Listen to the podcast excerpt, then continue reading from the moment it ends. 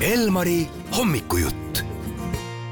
ja mees, kes siia stuudiosse nüüd Sommeri ja Hermanni kõrvale jõudnud, oli valmis ilmateadet ise lugema millegipärast, võttis kohe, tõmbas mikrofoni ette ja oli valmis no põhjust on, eks ole, tegu on Andres Dvinjaninoviga, tere hommikust, Andres. no tere hommikust, tõesti, tõesti, ma läksin oma vana töö mikrofoni taha kogemata.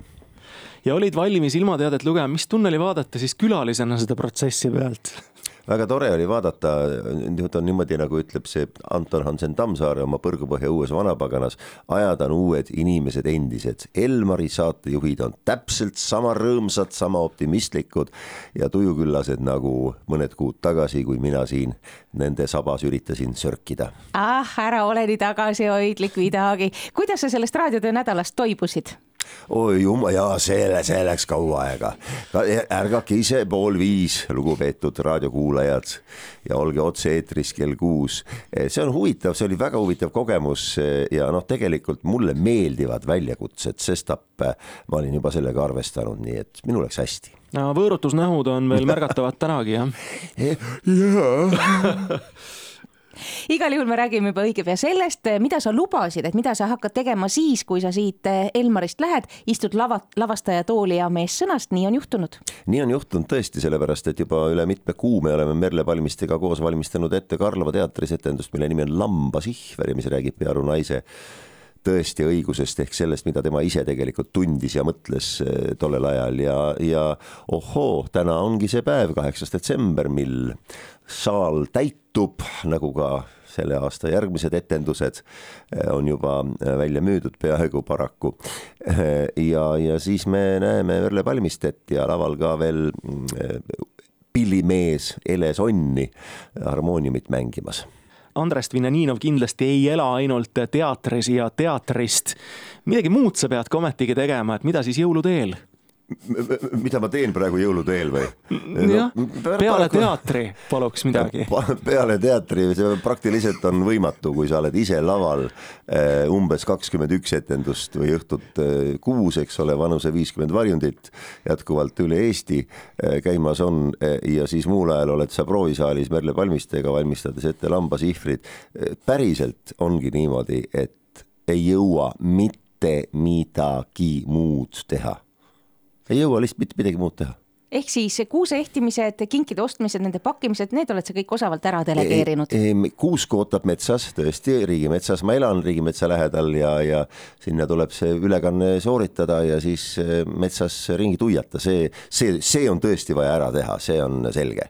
Eh, aga mis puudutab kinke ja, ja nende ostmist ja nende hankimist, siis see on meie perekonnas osakonniti ära jaotatud ja see ei kuulu minu kompetentsi.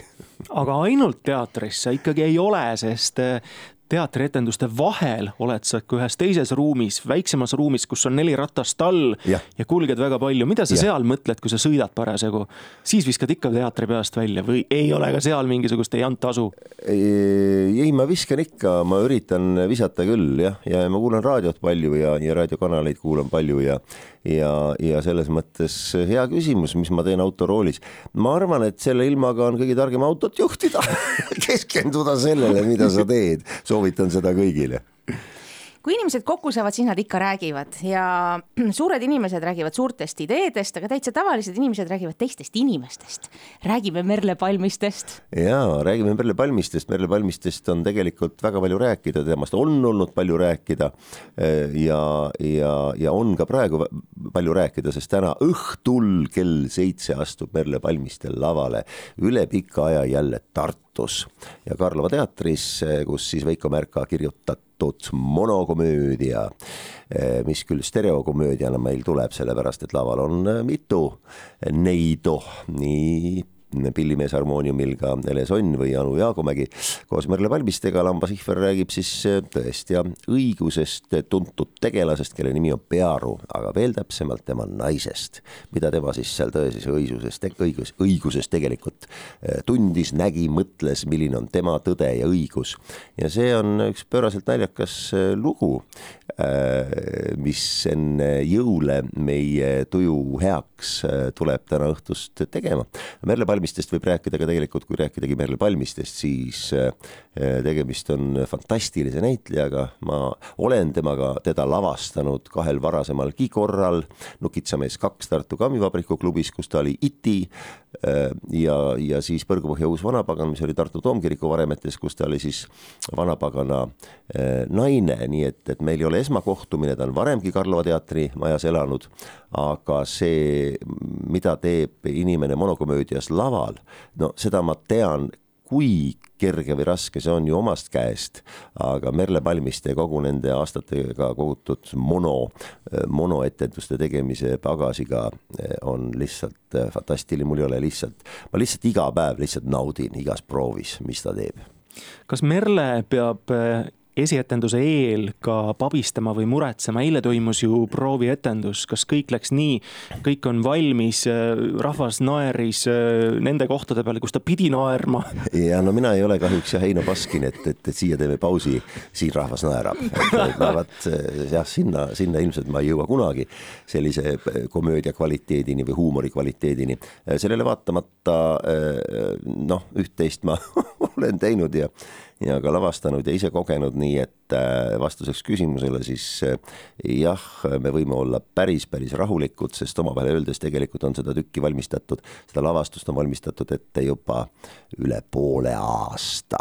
me alustasime aprillikuus, kui me tahtsime ta suvel välja tuua. sestap äh, on aega olnud settida, on setitada, on aega olnud ka tekste vaadata ümber ja edasi, mida sisse võtta, mida välja jätta. et seda tegemist on olnud palju ja ja eile kontrolletendusel rahvas naeris äh, sedavõrd palju, et Merle, Merlel oli võib-olla isegi suhteliselt keeruline edasi minna, et, et me ei olnud arvestanud sellega, et, et noh, kui sul mikrofoni pea küljes ei ole, et siis sa tegelikult üle naerva saali äh, no nagu triki jõuda rääkida kes vastutab palun selle eest, et vabariigi kauneim naine näeb plakatil juba täiesti tundmatu välja? no eks selle eest vastutab tegelikult Merle Palmiste ise.